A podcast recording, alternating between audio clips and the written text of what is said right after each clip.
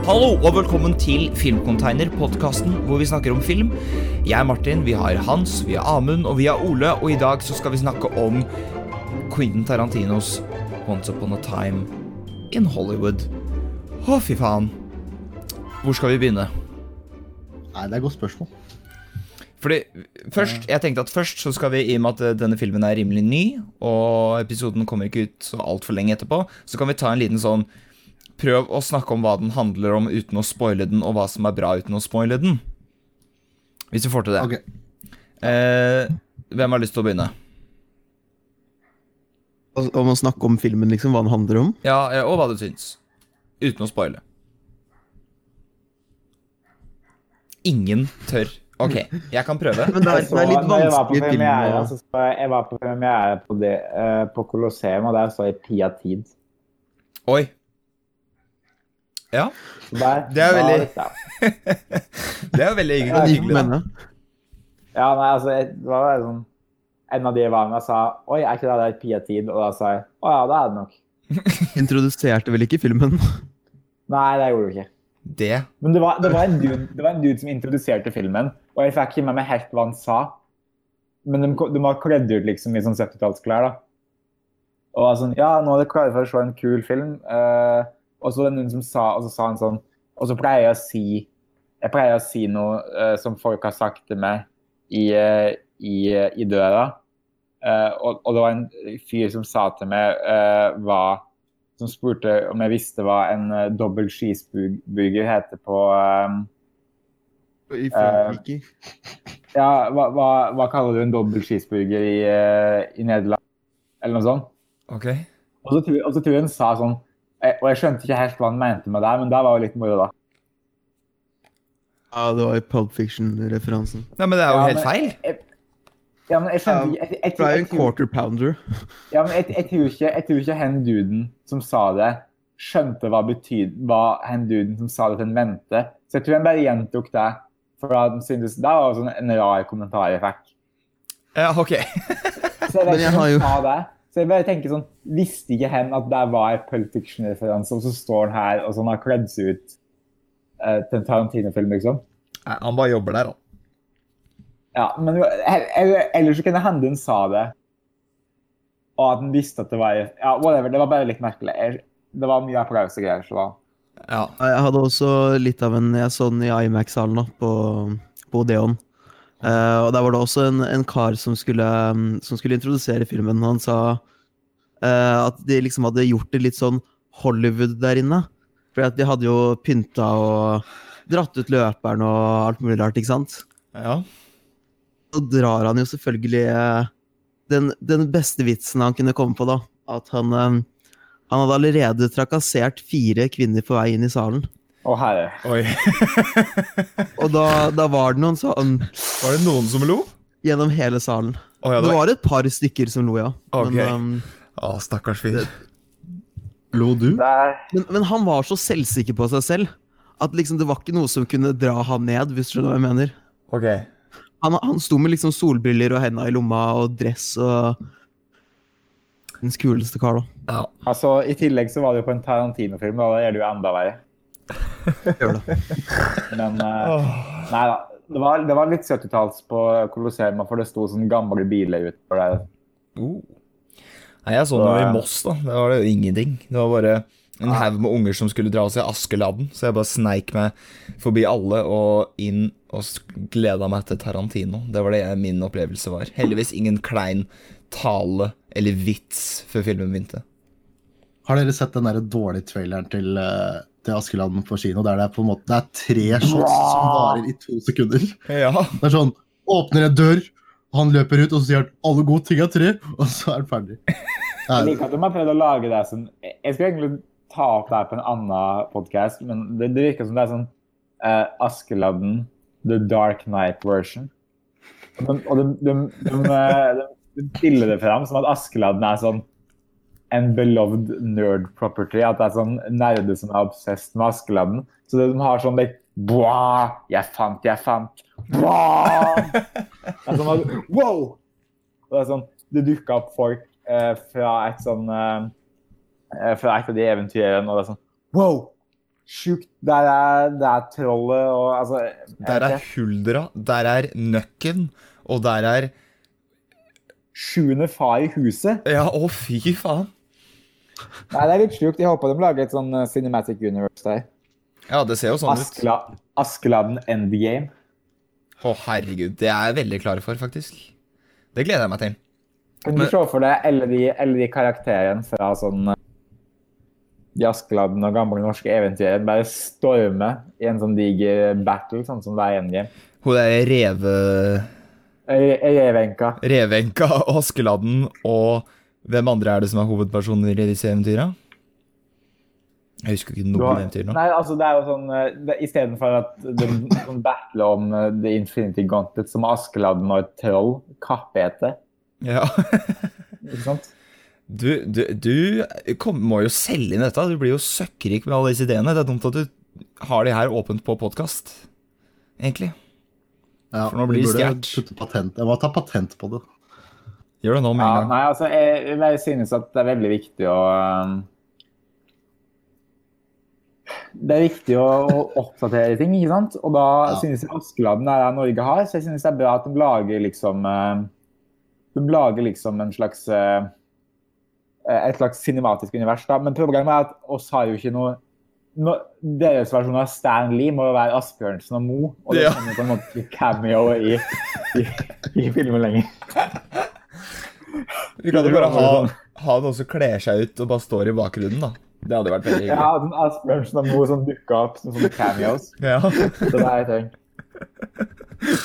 Å, Å, fy faen. Du er jo et geni, Amund. Jeg skjønner ikke åssen du ikke har eh, skrevet tolv filmer og har tre under beltet allerede. Ja, men jeg fikk faktisk et brev fra kong Harald en dag der det sto sånn Gratulerer, du er et geni. Ja, ikke sant? Og, så det var litt gøy da, å få sånn et kongelig brev. Du ble, ble du Nei. krona? Eh, nei, det, det er ikke før i, i vinter, tror jeg. Ja. For de skal vel ta noen andre, da, så de tar litt samla. Så de slipper av sånn kroningsseremoni bare for meg. liksom. ja, ok. Men du ble ikke Du, du var liksom ikke knighting? Vi driver ikke med det i Norge, kanskje?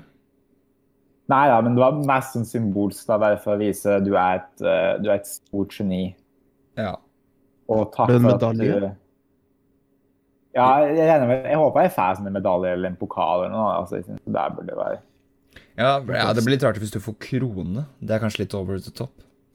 Ja, men kan jeg ikke ha sånn Du, ser, du skjønner ikke at det er sånn eh, Du, du ser i Askeladden nå, ikke sant, så er det post credit scene, og så er det sånn sånn mørk eh, skog sånn Og så kommer smørbukk. Og det er sånn Wow. Det er,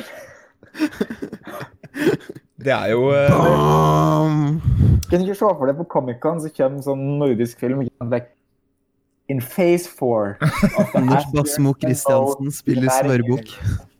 In the phase four of Asbjørnsen Most Cinematic Universe, we have some really exciting new movies to present. In 2021, Nøkken. Når jeg, når jeg hadde særemne på skolen, så skulle jeg filmatisere Smørbukk. Men det ble aldri en film. da. Men det var, jeg har spilt inn noen scener. Det er en Ja. vanskelig film å lage, altså. Hva er det det handler om igjen? Det hadde, jeg husker ikke engang. Det handler om en sånn svært troll. Ja, Ja, riktig. Det handler om et troll, er det ikke det?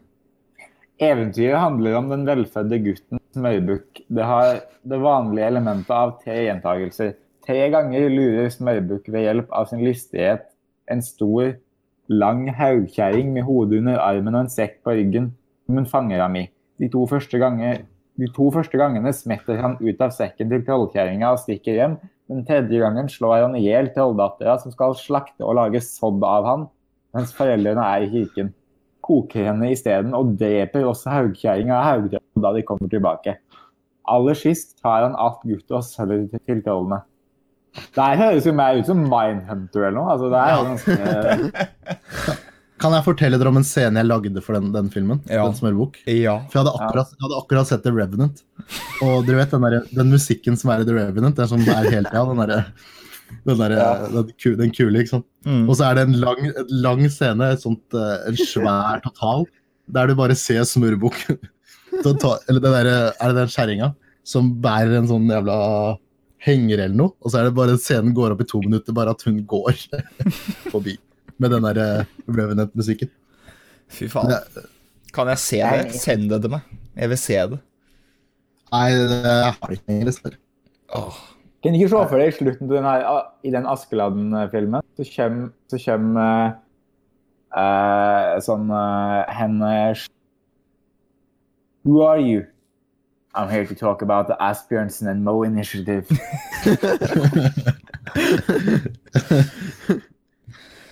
Åh.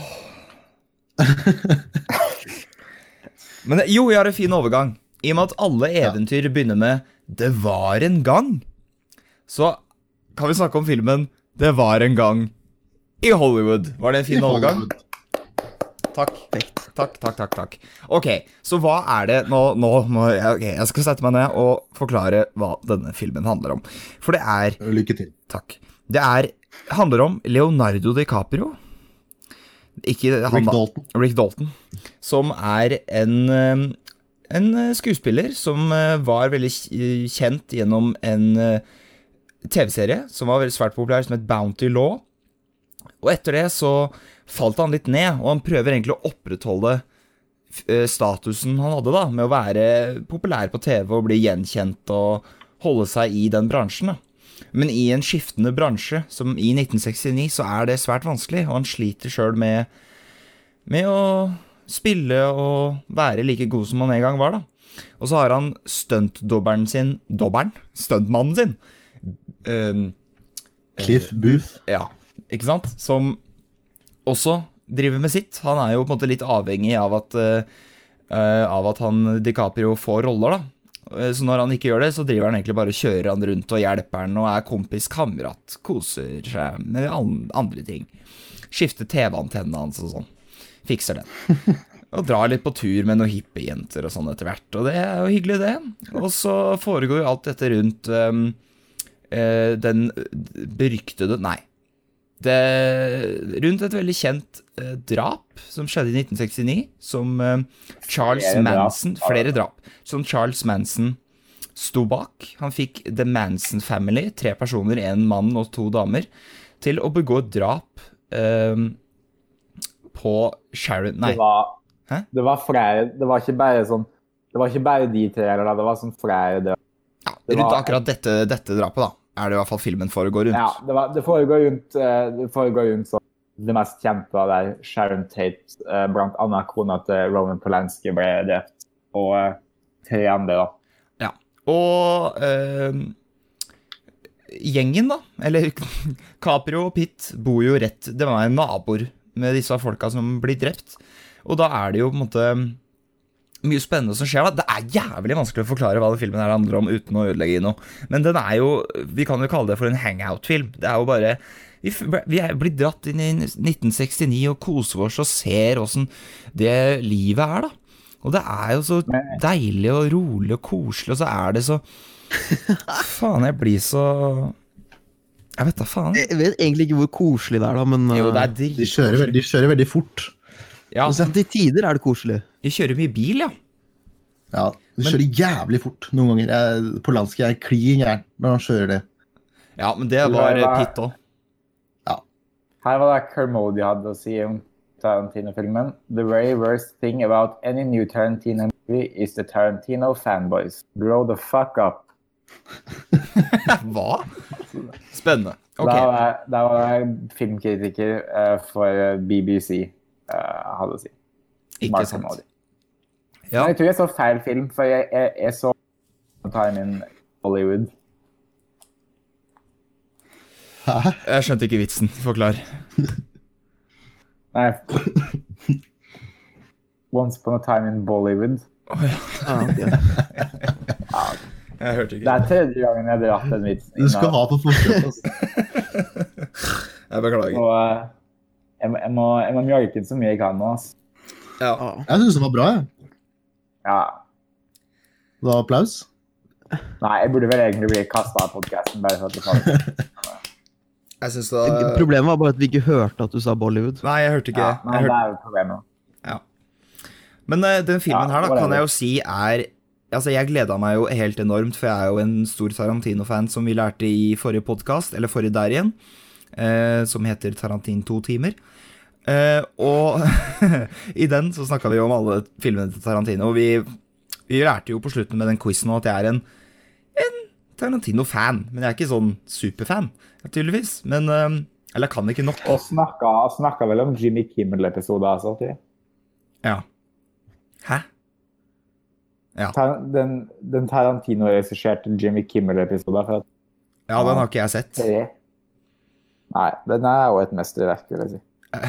Var du så Tarantino-fan at du oppdaga den Antonio Margareti?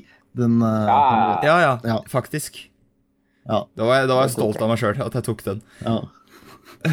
faktisk. Men um, jeg vet ikke. Jeg, jeg, digger jo, jeg digger jo den filmen her, og det er jo helt Helt vanskelig, veldig vanskelig, å si hvorfor man digger den uten å spolere bort slutten på filmen. Men kanskje vi bare skal gjøre det med en gang, og så si at dere må dra og se den filmen før dere hører resten? Ja, jeg ville, ok, jeg ville si det, dra og se filmen, men eh, ta litt research på Manson og hva som skjedde. da. Eh, ellers så tror jeg den filmen her, Hvis ikke du kan om det, så tror jeg den filmen her kan bli litt vanskelig å forstå.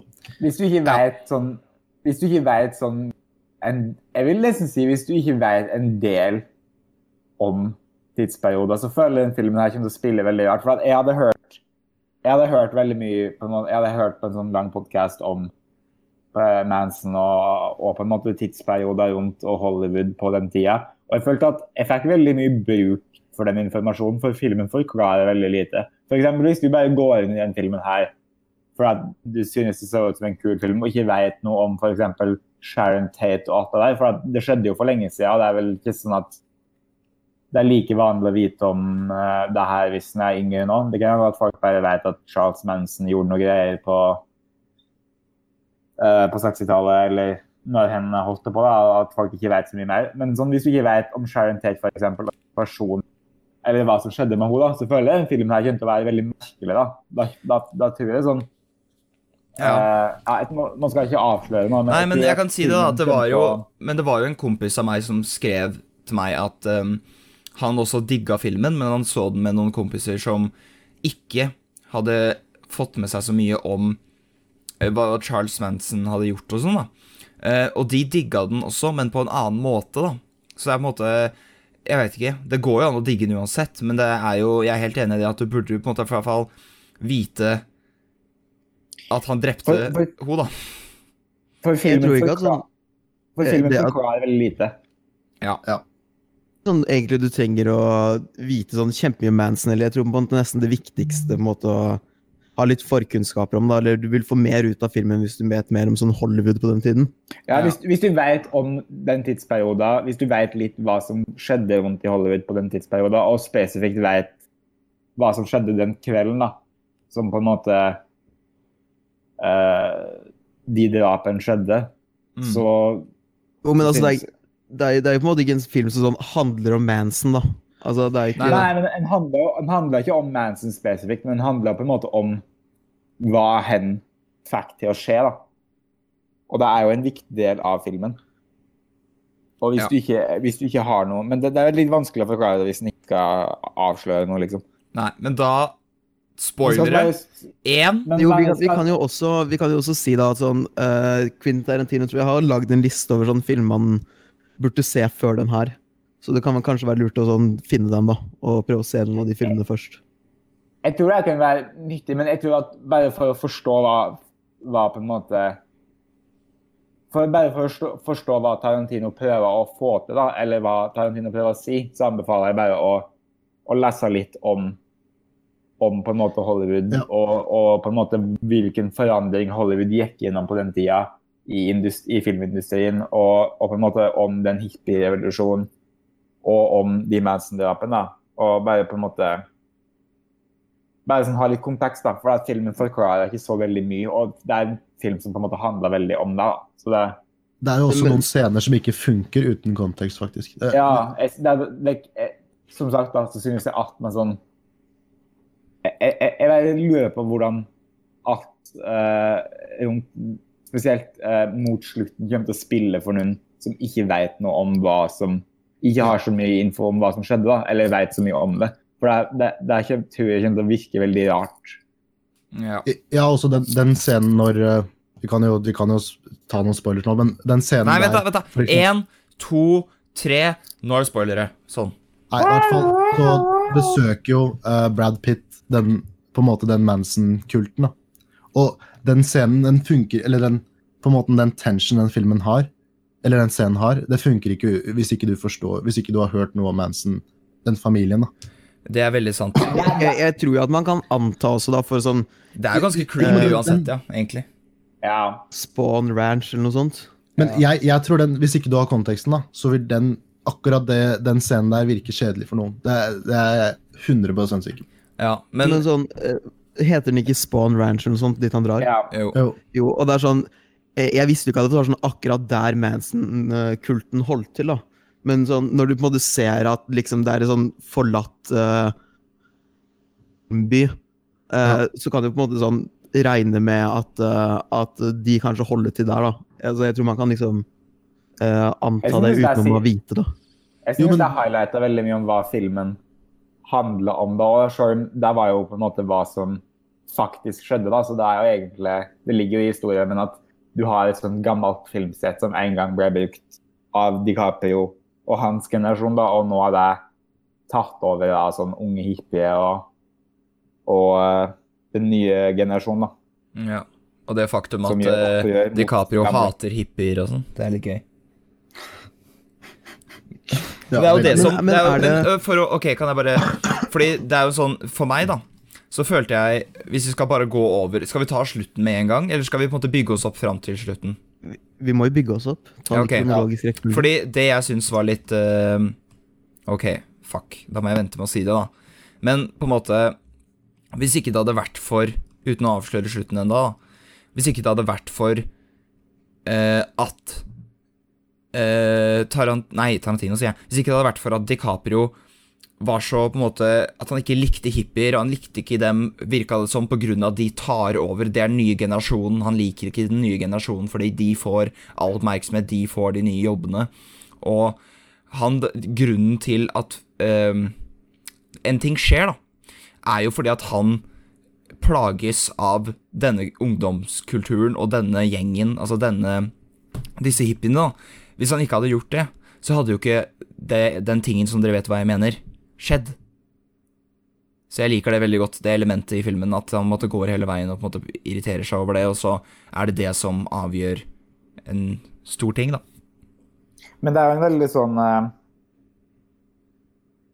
Det er en veldig morsom og like, avslappende sånn hangout-film for det meste av tida. Men det, det har liksom hele tida en slags merkelig eh, atmosfære da, gjennom hele greia. For den har på en måte brukt veldig mye arbeid på å, å gjenskape Los Angeles og Hollywood fra den tida med sånn skilt. Og det er tydelig at Tarantino er jo kjempefan av av alt det, og det har jo kommet fram i de tidligere filmene også. Men det er liksom hele tida Det er hele tida liksom litt tomt når de kjører rundt Når Brad Pitt og DiCaprio kjører rundt i Hollywood og du har den musikken, men det er ikke så mye på gaten. Og du, du ser hele tida at det henger noen av de hippiene henger meg som i bakgrunnen, og de er hele tida liksom til stede.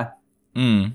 Så det er hele tida en følelse av at det er et eller annet som på en måte Det er et eller annet sånn farlig da, som sakte, men sikkert begynner å stige opp uh, til overflata Ja. og, og komme frem. da. Så, det, så om filmen er liksom Jeg føler det er en veldig sånn eh, melankolsk og trist film, selv, samtidig som at den er veldig nostal nostalgisk. da. At den ser tilbake ser tilbake på et, eh, en periode da i, i historia som eh, Tarantino har veldig mye eh, Aksjon for. ja, Tarantino bryr seg veldig mye om da, og er veldig glad i, men at det er liksom en slags At det er en veldig trist eh, og veldig altså at en veldig, det, er, det er en slags uggen følelse rundt hele greia. Selvsagt pga. det som skjedde, og den evolusjonen Hollywood på en måte gikk gjennom. da. Ja, og, men det som også er Hvis du ikke Det er jo tilbake til det vi snakka om, at hvis du ikke har på en måte litt informasjon om forhistorien, så får du kanskje ikke den Eller om hva som skjedde rundt den perioden, da, så får du kanskje ikke den tension som er i hele filmen. Fordi det er jo, som du sier, Ja. en veldig rolig, rolig film, veldig hangout-film, men i under hele overflaten så er det Jeg satt hele tida og var liksom sånn Nå skjer det noe hele tiden. Det føles som det skal skje noe. Det er noe ekkelt, ikke sant? Så, men det er jo fordi jeg visste hva som skjedde på den, i den perioden. Så tilbake Men- til det, da. Ja, men altså Og Tarantino er jo veldig glad i Den har jo snakka med før. Han er jo kjempeglad i sånn, det som ble lagd i Hollywood på den tida, sånn gamle westernserier og ting som på en måte mange andre har glemt, da, som Tarantino fortsatt vil sette pris på. Og sånne gamle, tullete like, underholdningsfilmer som ingen husker lenger, Mm. er, er ting som på en måte Tarantino setter veldig mye pris på. Da. Og det er ganske lange sekvenser i den filmen her som bare er dedikert til sånn eh, å tribute sånn, de westernseriene Tarantino så på uh, når han var mindre og ennå, og andre ting som er laget i Hollywood. Men jeg syns også Tarantino en bruker liksom den muligheten har ved å gå tilbake da, til å kritisere hva som var galt da, med den tidsperioden.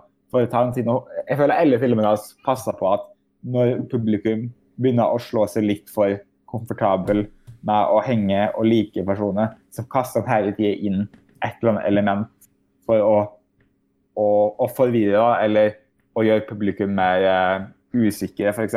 Det er mange som har klaget på, som jeg har sett, da, eller ikke hvor mange det er, som har klaget på at Tarantino på en måte romantiserer romantiserer Hollywood på den tida her, da, og en periode som var prega av veldig mye eh, problemer. da, på en Ja. måte alt fra like, sexisme og alt mulig. Men jeg føler at en, en, en gjør det veldig tydelig at de karakterene er jo ikke så så gode. da. Jeg føler at jeg skjønner ikke at du kunne se på f.eks.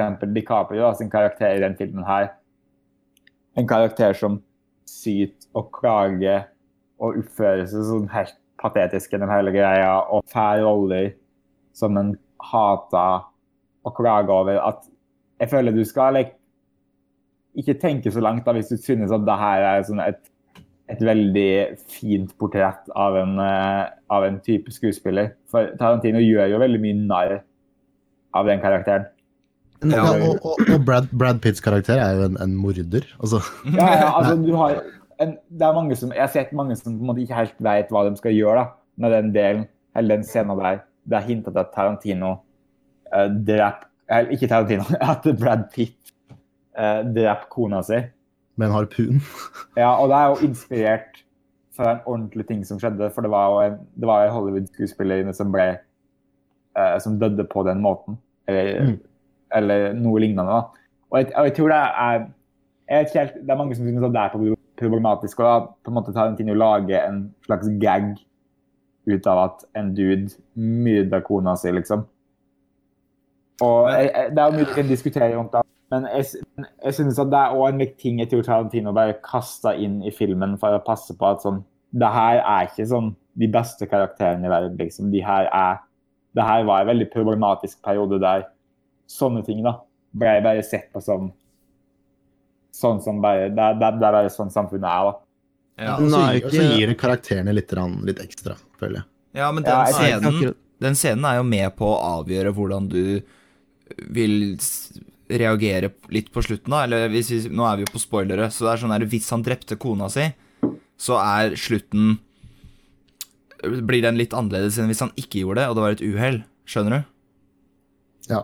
Så Ja. det er jo det, Jeg føler ikke det var en gag, jeg føler det mer var en sånn For å skape enda mer tension Men- men- rundt karakteren. Men den, men den scenen er på en måte filma og klippet som en gag, da. For den klipper jo vekk det, det har jo en slags sånn komedisk punch i filmen, da. Måten Ja. den klipper akkurat vekk i det du på en måte tror at den skal til å, å skyte om av en harpun. Men eh, jeg, jeg tror at bare Tarantino prøver veldig å passe på at sånn At du ikke blir for komfortabel med karakteren. Da. At du hele tida på en måte du blir påminnet at det her er Jeg føler at han på en måte en prøver å la det At det her er karakterer som du kan kjenne det Som du kan på en måte ha det moro med, da, men at i tillegg du må huske på hva de er for noe. Mm. Ja, altså, Og det det er er jo litt sånn ikke i- det er litt det er sånn ikke- det- Hæ? Nå er ikke akkurat Rick Dalton en veldig glamorøs skuespiller i den filmen heller, da. Han, altså, Nei, nettopp. alltid sånn uh, shitty roller i TV-serier. og Jeg vet ikke, Skal han egentlig være en bra skuespiller i det hele tatt?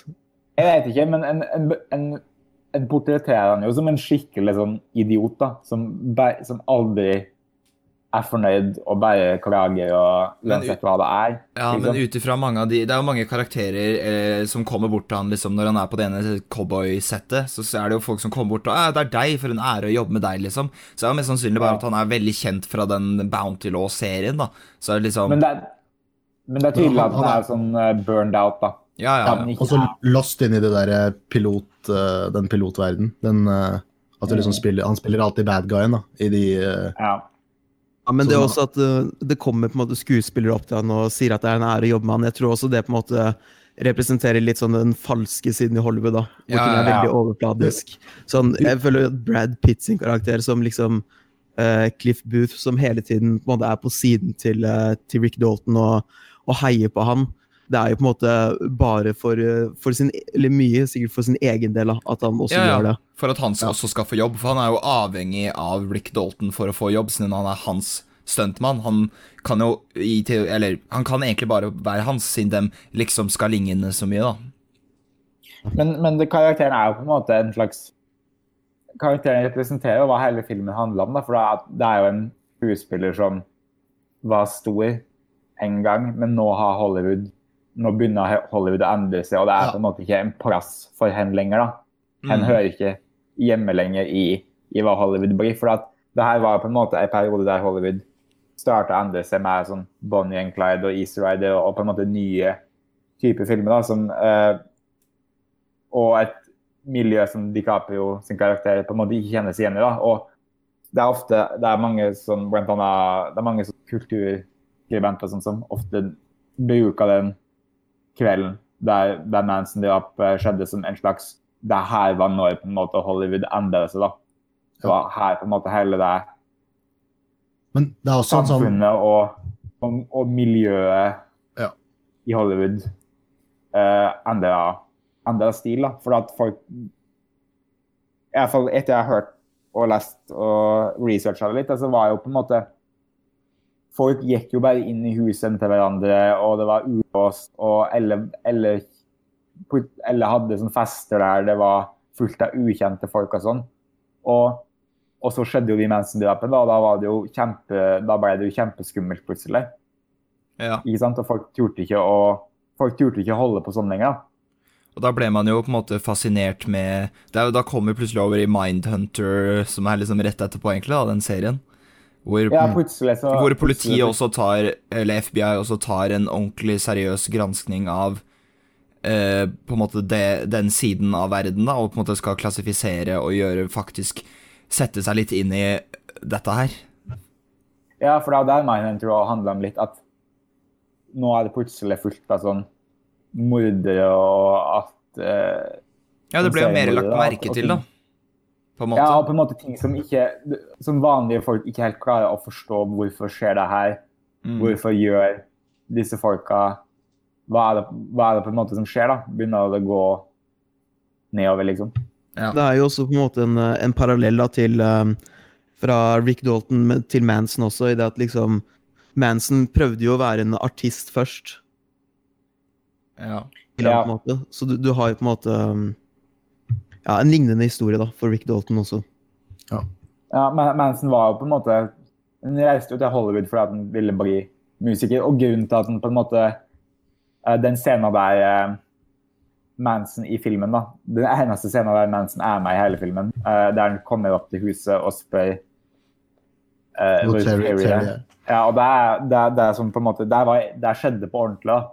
Og hvis jeg husker riktig, så var det sånn nesten linje for linje akkurat hvordan uh, det skjedde. Men det han var der for da, var fordi at den som bodde der før uh, Ron Polanski, var en plateprodusent som heter Terry Melcher som hadde lova eller sagt til Manson at han skulle gi en innspillings... Eh, eller gi, gi Manson studiotid da, og ei platekontrakt. Mm. Og det var der på en måte Manson uh, Veldig mye av det Manson prøvde å gjøre da, i Hollywood, var at han prøvde å skaffe seg platekontrakt og, og, og, og få gitt ut album. da. Mm. Så det, det, er på en måte et eksempel på de på den, eh, på den mer skitne sida av Hollywood, da, at det er fullt av folk som kommer dit, og som det ikke blir noe av. da. Ja. Manson var jo en av dem. Og Men- han ble jo til slutt kjent, da, men for selvsagt noe som var veldig grusomt. Når vi, snakker om den karakteren til Rick Dalton Den, den scenen der han sitter og prater med hun, hun jenta, ikke sant? Mm. Og han, han snakker om den, eh, den boka med Easy Breezy, ikke sant? Og eh, liksom den, på en måte den, den angsten da, som mange av de skuespillerne følte når, den, når denne endringen i, i Hollywood skjedde, er at liksom Han er ikke den beste lenger, og eh, Hva var det han sa? At uh, Hva var det han sa? Han er ikke den beste At Easy Breezy er ikke den beste Ja, lenger. han, han ødela Eller han ble det, Boka handler om at han fikk en skade, Ja. eller sånn, så han kunne ikke ri like bra lenger, eller et eller annet sånt. Og det er jo, ja, det er jo en, en parallell, eller en likhet Veldig stor likhet mellom han, hans historie, liksom. Ja. Ja, så han, han føler at han, han er på en måte avdanka. da. ja. Og eh, han, han er jo det. Han, han, han møter jo drita full på sett og, og Han klorer liksom, seg fast til den bransjen, liksom, når han egentlig er Ja. for lengst long gone. Det er Ja. tydelig at Tarantino er veldig sånn Tarantino er veldig glad i skuespillere da, og, og hva skuespillere gjør. Og Tarantino ville jo egentlig bli Når Tarantino på en måte starta, så hadde jo hen òg lyst til å bli skuespiller. Mm. Uh, og det er tydelig at han er veldig glad og, og respekterer veldig da, hva skuespillere gjør, spesielt i den scenen, og at med, det, at med Sharon Tate da, i filmen. Den Ja. lange, den, jeg tror den beste scenen for min del i filmen er den der hun Ser på seg sjøl. ja, den scenen der hun, hun går inn i kinosalen og bare observerer hvordan folk responderer da, Ja. til rolla hennes i filmen, i en film som er på en måte bare en slags sånn dum underholdningsfilm, men hvor viktig det er for hun da, at, uh, at hun blir likt, og at, og at, folk, eh, og at folk har en reaksjon da, på hva Og jeg tror det er noe av det mest sånn Jeg tror det er noe av det mest rørende Tarantino har lagd. da. Jeg er enig. Og jeg synes Og- at hva han på en måte gjør Hva han gjør med den karakteren, da, at det virker liksom som at Tarantino vil prøve å fjerne For det er- der folk husker Sharon Tate for nå, er jo, er jo Manson-drapet. ikke sant? At, at uh, hun var et av ofrene der. Mm. Men det virker som det Tarantino prøver å ville gjøre, da, at folk skal på en måte huske henne for den personen hun var, og hva på en måte hun likte å dreie med. da, For at eh, eh, det det har vært sånn eh, Det har vært litt kontrovers om det, på en måte om at har Margot Robbie for få linjer i filmen, og jeg bare føler at da begynner du på en måte å miste poenget, da. Vi, vi prata litt om det i stad, Amund. At liksom Ja. Måten den karakteren på en måte er framstilt, da, er liksom måten hun, hun, hun er på. Når hun går inn i kinosalen, hun danser, og hun liksom Hun er liksom på toppen av livet, og hun har det helt supert. Men hun trenger ikke å si noe, for du, du ser jo det. At, at hun hadde et bra liv, og hun var klar for å bli en mor, og hun liksom Hun elsket det Hollywood-livet, da. Ja, og Ja, jeg, samtidig jeg føler at, eh, at, at Margot Robbie på en måte klarer å få fram et sånt barnlig under, da. Ved å på en måte Ja. sånn gå på kino og ja, sånn se seg selv. og Det er bare skikkelig sånn positiv eh, Nesten sånn feel good-karakter. Ja, også, Ja. Men samtidig så følte jeg at eh, det at hun ikke sa så mye, og det at vi bare observerte henne og så hva hun gjorde, det følte jeg også skapte en stor tension, med tanke på at vi vet hva som kommer til å skje med henne. Vi sitter egentlig bare og venter på at eh, noe skal skje med henne, da. Og hun sitter på en måte Jeg satt i hvert fall og bekymra meg veldig for henne. Og så når, når slutten kommer, så har på en måte det de scenene med henne hjulpet med å bygge den tension så sinnssykt mye, på en måte, da. Men det er det som på en måte gjør filmen veldig trist. Så, så det virker som at Tarantino, når han lager det, så det virker Det er på en måte veldig frustrerende at på en måte det var et uh, talent som aldri ble noe av pga. det som skjedde, og at Tarantino på en måte vil vise at det her var en ordentlig person som hadde som hadde et liv, da. Mm. Og håp og drømmer om å bli noe mer, og at hun aldri på en måte ble store på en måte stjerne, da, som tydelig Men eh, eh, sånn som du sa, at uh, liksom, han viser hun fra en, en veldig god side, da, men hele den, hele den scenen fra hun kjører ned ved motorveien, hun plukker opp eh, hun haikeren, og de sitter og prater om drømmene hennes, og hun slipper av haikeren og har fått seg en ny venn. Hun går rundt om i Hollywood og henter en bok. Hun, hun gjør sånne helt normale ting, da. Og så ser hun seg sjøl på kino og blir kjent med de der. Og jeg vet ikke Hun, hun fremstilles veldig bra. Jeg synes at, Sånn som du sier, Amund, at liksom det er noe av det, det vakreste Tarantino har gjort.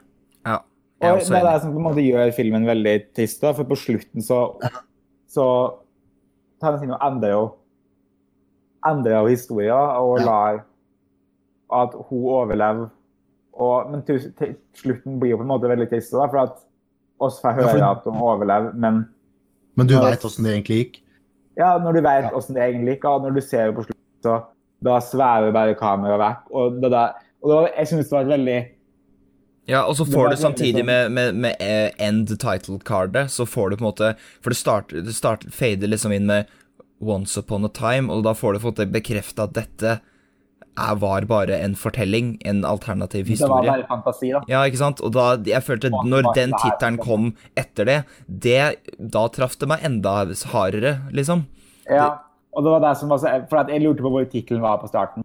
En på en måte, Du ser jo kommer ut, men så svever kameraet vekk i tillegg, og så kommer den tittelen. Da da, da treffer det veldig hardt at det her var ikke det som skjedde, og selv om det på en måte kanskje har vært Det, det, er derfor, det er derfor jeg syns Ja. at eh, når på en måte Tarantino lager film om historiske ting, da, sånn som f.eks. Inglorious Bastard og Django Filmene hans er på en måte en, en tidsmaskin. da. Og i, i Tarantinos tidsmaskiner så kan du endre ting. Eller sånn som han på en måte ville at det skulle foregå. da. Eller, ja. eller, en, eller en hevn da, på, på ting som skjedde. Men det er hele tida, det er hele tida Jeg føler Tarantino er hele tida god på, på en måte å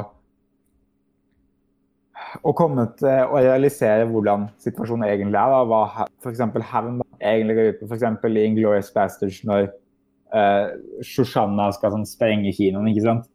Ja. Så er jo hun død før noen av det skjer.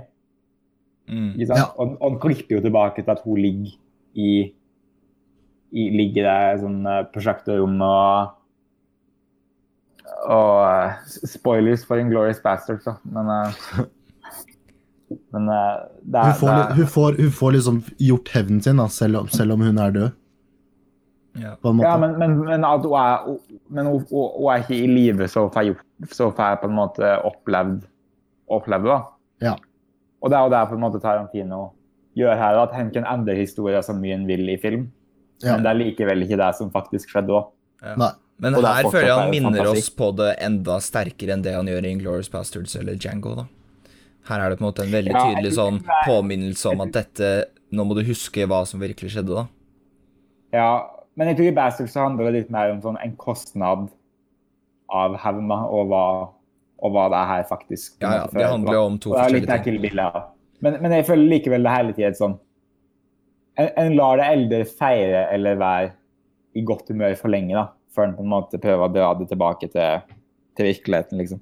Mm. Mm. Men uh, hvis vi skal snakke litt om hva som endres, da, hvis det, hva som skjer istedenfor at Sharon Tate dør, så er det jo Ja. at uh, um, Fordi det jeg snakka om i stad, at eh, hvis ikke det hadde vært for at Rick på en måte plages skikkelig over de hippie-ungdommene som står og forstyrrer han. For jeg, jeg, jeg hørte på noen som sa veldig godt poeng at eh, han, det, liksom det siste han har igjen, er det forbaska huset sitt i Hollywood, som han er veldig opptatt av å beholde, og han, han vil være der, da. Og så når folk kommer ut og skal plage han der også, så går han ut og kjefter på de hippiene som er da de som egentlig dreper Sharon Tate, og så ombestemmer de seg og skal da finne et ny grunn for å drepe da han isteden.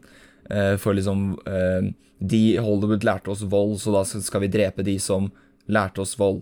Og da velger de jo å ta det huset isteden, og så er det jo eh, Jeg føler på en måte at dette Vi snakka også om tension gjennom hele filmen, hvis du vet hva den handler om. Eller hvordan den Ja. historien gikk, da. Så er det en stor tension. Du sitter og forventer at eh, du nå snart så kommer Nå, i tredje akta, da. Jeg tror den tredje akta er den beste En av de beste tredje aktene i en Tarantino-film, hvor du sitter nå, og nå er du så sinnssykt klar. Altså nå har du forberedt deg hele filmen på å se dette øyeblikket hvor Sharon Tate dør, og du sitter og på en måte funderer hele tiden på hvordan, hvordan skal han gjøre dette, hvordan skjer det, og så bare snur det 180 grader, og så uh, Den tension, da, den får en helt annen release enn det du egentlig trodde du skulle få. Men så funker det så sinnssykt bra, og så føler jeg også at han Han er på en måte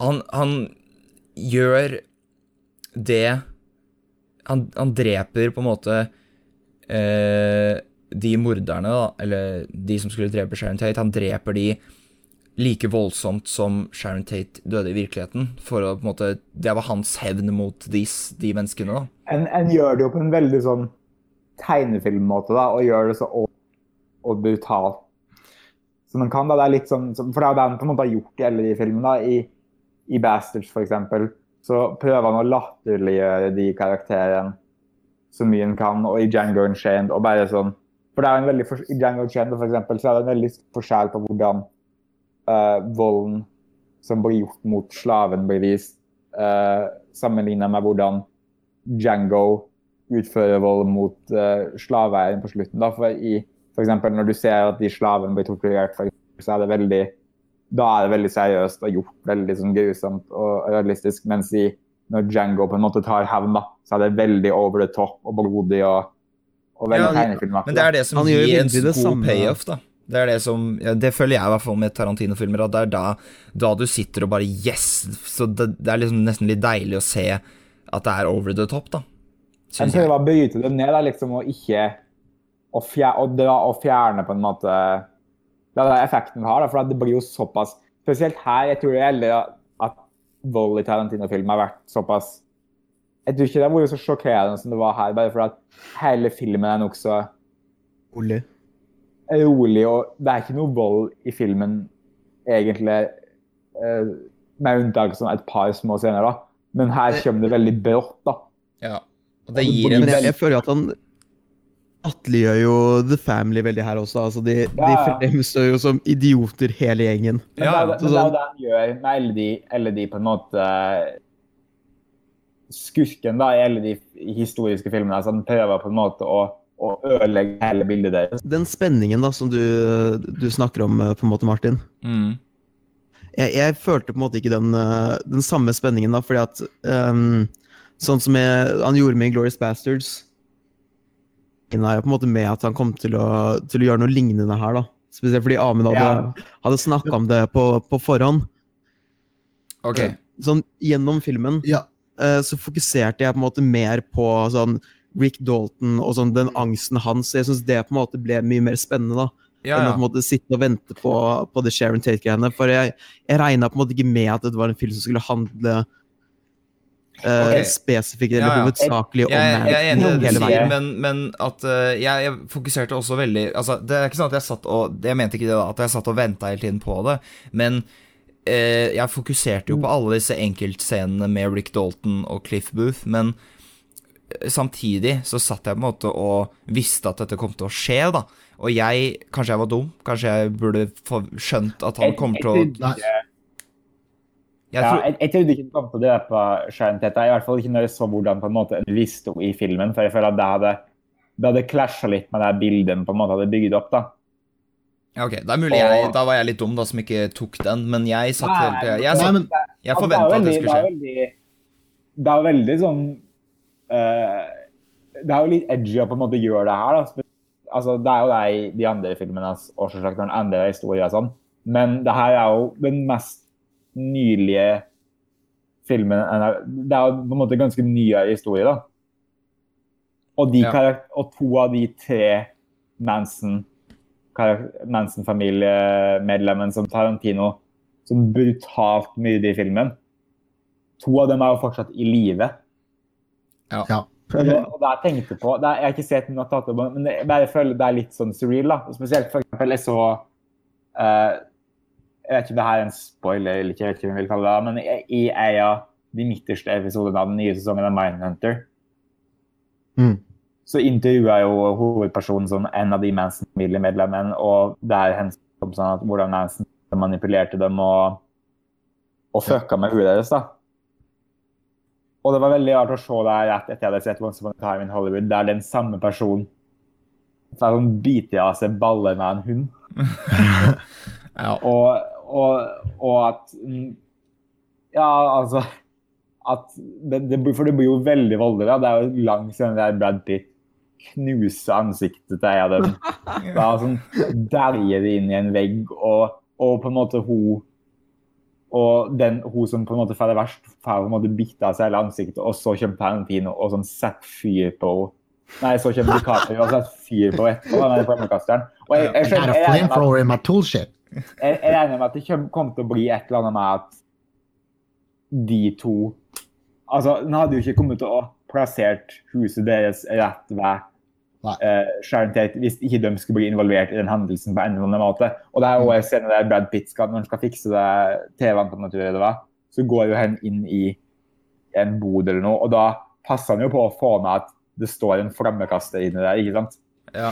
Så Da hinter, da hinter han jo til at det her kommer til å bli brukt senere i filmen. Ja, ja, ja. Men jeg, jeg, så, Men jeg så ikke for meg at de ikke skulle være Nei. involvert på en eller annen måte. Jeg tenkte sånn, De kommer sikkert til å storme inn og prøve å på en måte hjelpe til, eller et eller annet. Altså, jeg vet ikke. Men Ja. det jeg syns Har du tenkt på det? Jeg, jeg, Jeg, tror, jeg bare jeg, tror, jeg tror jeg skjønner hva du mener, Martin. Ja. Men det den, det, det den filmen her gjør i forhold til på en måte ja, på, på en måte fra de andre Tarantino-filmene, er at akkurat den tensionen på slutten der er veldig, den er veldig rar. Den stemninga er veldig rart, fordi du, du klipper fram og tilbake fra uh, den Manson Family som står og planlegger hva de skal gjøre, til Brad Pitt som akkurat har røyka en sigarett dyp- dyppa i, i syre. og han Kan vi bare snakke om hvordan han får tak i den? Så han bare kjøper det for 50 cent av en ja. random hippie som sånn står på gata. Ja. Ah. Men det var, den ene den hippien var jo fra Manson Family òg. Så det Ja, var ja. Men, Ja. men jeg, jeg tror det er som bare jeg, jeg på en måte sliter litt med, er at i i Inglourious Bastards for eksempel, da, og Django Unchained så er det jo sånn slaveeiere og nazister som Tarantino på en måte uh, Jo, men det er jo en, mot, en ond, Mens- mens ondskap, her, ondskap over flere generasjoner. Det her er jo en nylig ondskap, da, på en måte. Ja, men, men forskjellen er jo at det her var jo på en måte De, de karakterene Tarantino brutalt mye der, var jo unge, like, hun jenta som på en måte sa det verst. da, Hun var 19 liksom når det her skjedde. da, og det her var jo ungdommer som ble manipulert av en Ja. dude som ikke Og han og, og han gjør jo ingenting med Manson i filmen. liksom. Manson er jo fortsatt i live i den filmens univers på slutten av filmen. Så det er jo, de, det er, jo- det er på en måte de ungdommene som en manipulerte og ødela, som en tar eh, som, en, eh, som en på en måte gjør det mot. da.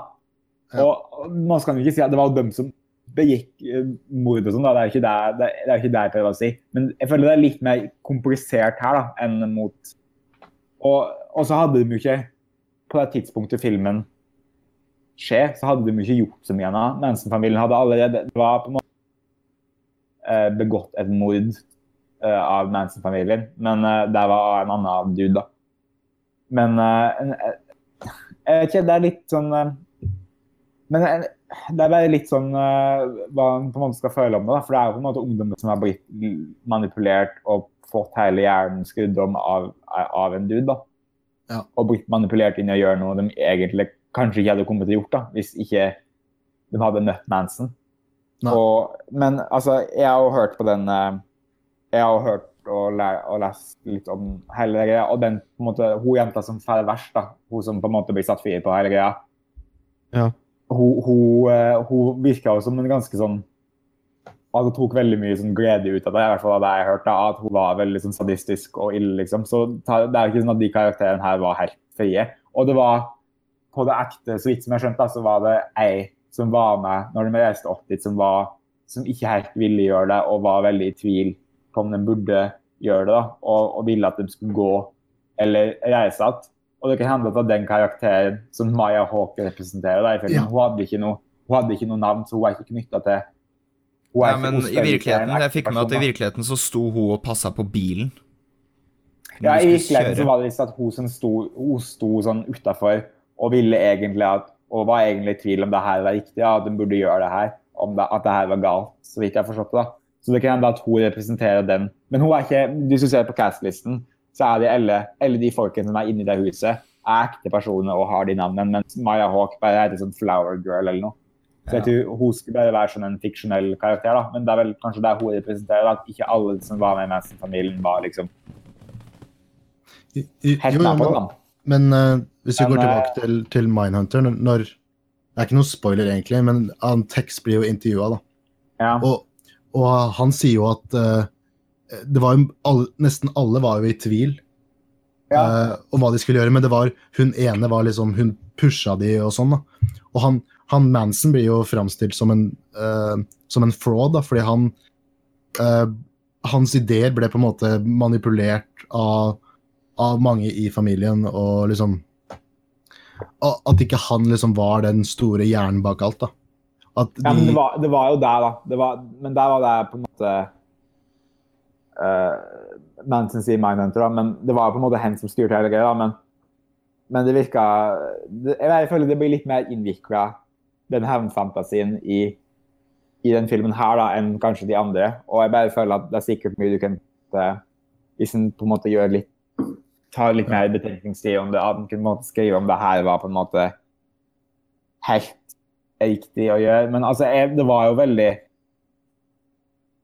Det funka veldig bra i filmen, da. Det er det. Og det er jo på en måte Det er veldig tydelig at Tarantino på en måte syntes det her var At en at, Jeg vet ikke helt hvor gammel Tarantino var når det her skjedde.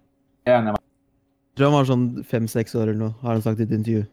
Men han, han, Ja, så, jo- han så jo sikkert på det seinere, da. Det var noen sikkert fikk med seg og på en måte som sikkert eh, påvirka henne, selv om hun var ganske ung. Mhm. Så det er jo tydelig at, her, at han får på en måte veldig utløp da, for hvor mye han hater den hendelsen og Manson og alt det der. Gjennom ei veldig sånn brutal Jeg, jeg tror det er en, en, en, en blanding mellom på en måte en, en sorg over det som skjedde, da, og på en måte den kjærligheten for Hollywood på den tida. Ja. Og at det her på en måte ødela alt. da. At det her Ja. endra alt for evig. Det er, det er derfor den, denne filmen her funker sånn Det det er jo den mest, kanskje mest emosjonelle filmen Tarantino har lagd, og det føles liksom som på en måte Tarantinos farvel da, til Hollywood. Eh, I hvert fall, hvert fall mot, mot slutten der. Nå har sagt den skal lage flere, at en skal lage iallfall en film til, men det, føler, Ja. det her føles ut som et ganske bra punktum da, på hele karrieren. Ja, Absolutt. det er jeg enig i, faktisk. På mange måter så, så syns jeg nesten også at det sånn nesten ikke føles ut som en Tarantino-film. Altså han, sånn, han minner deg på det et par ganger ved sånn noen scener hvor uh, en jente har sånn føtter opp på vinduet, og Det er mye føtter i den filmen der. Jeg setter karakternavn som dukker opp på skjermen og sånt, men eh, ja, litt sånn som Jackie Brown, da. At den, Ja. den føles som en veldig sånn rolig, karakterdrevet film. Der, jeg, jeg synes det er den første filmen jeg ser Jackie Brown der det føles ut som Tarantino bare bare lagde en film da, og ikke lagde så mye styr rundt det. For jeg føler at like, Selv om jeg liker Bastards bedre enn den her, så er jo den for eksempel er veldig sånn En skaper veldig mye sånn pompøs og sånn ego rundt det. At uh, det her er sånn den største film, best, det her er en veldig viktig film. og og det her er sånn helt sjukt hva jeg lager nå, lik- liksom. Føles det litt ut som da, hvordan en på en måte bygger det opp og sånn, da. Men det her var litt mer sånn Det her er bare, det her bare er en film, da. Og som kan stå på egne føtter. Jeg tror i tillegg til å være liksom den, den varmeste Tarantino-filmen, så, Ja. så vil jeg argumentere med at det er også en av de peneste. Um, ikke bare pga. Liksom, hvordan Hollywood er liksom framstilt og hvor, Mm. hvor perfekt det er, men også når han eh, lager disse uh, Når han lager disse filmene til Rick Dalton, den derre 16 Fists of McCloskey Det er liksom Alt er filma på den måten, da. Og det, Ja. og du har den der grainen og de rare fargene. Og eh, også på åpningen, når, han, når, eh, han blir, når de to blir intervjua. Mm. ja.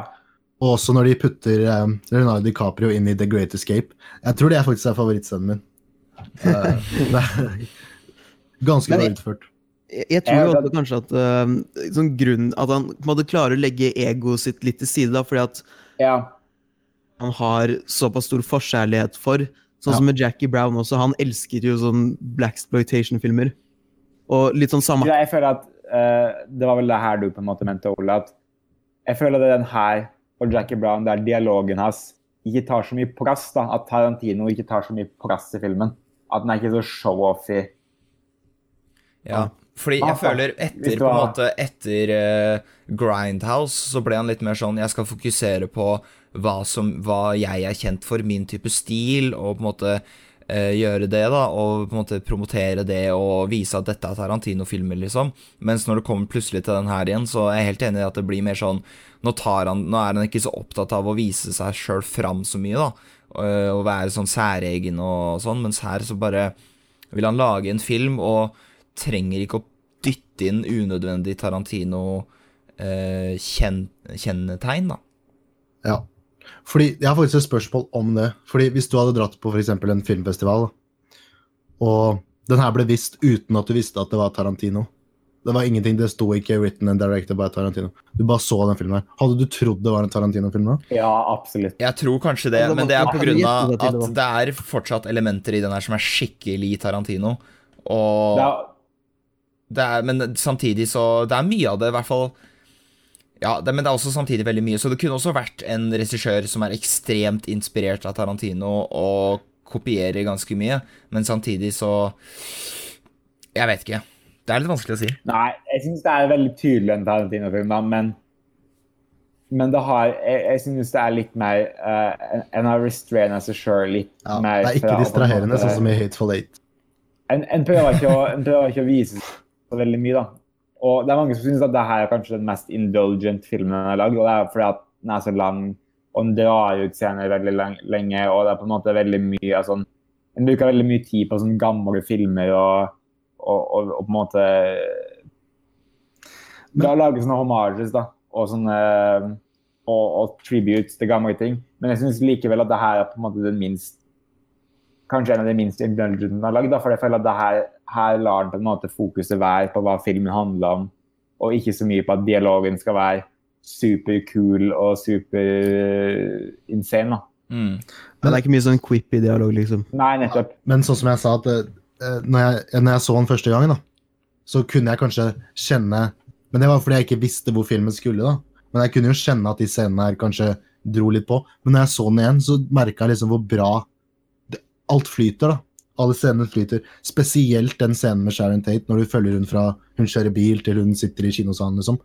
Mm. Det, I teorien, altså for noen da, så kan det virke Det er sikkert de scenene som folk syns kan være kjedelige, men jeg syns det flyter så jævlig bra. Og detaljene i bildet. Og selv den, den scenen uh, når han besøker George Er det George han heter? Uh, ja, er det ikke det? George Bond. George Bond på den ranchen. Det er det er så perfekt. Det, men det, jeg kan skjønne hvorfor folk syns det er kjedelig. Jeg, absolutt. Men jeg syns det flyter så jævlig bra. Og sånn som, sånn som jeg vil ta med til Mindhunter òg, det, liksom, det som er bra med Mindhunter, er at alle scenene i Mindhunter har en konflikt. Uansett hva det er. Mm. Og jeg, jeg, føler det samme med den her. At liksom Det er alltid noe som foregår, bortsett fra det du ser. Så Skal jeg bare si her da, at og så anbefaler Mindhunter sesong to. Ja, jeg, jeg, har lyst, jeg, har bare sett to episoder. episode til Mindhunter, ja. for den, det er så klasse. Men jeg har bare sett to episoder, så ikke si for mye. jeg har bare sett fire og en halv. Ja, men det, jeg er veldig glad i Mindhunter sesong én, da, så jeg er klar, jeg. For podkast. Sesong to er bedre, vet du. Oi, fy faen. Ja. David Finchers.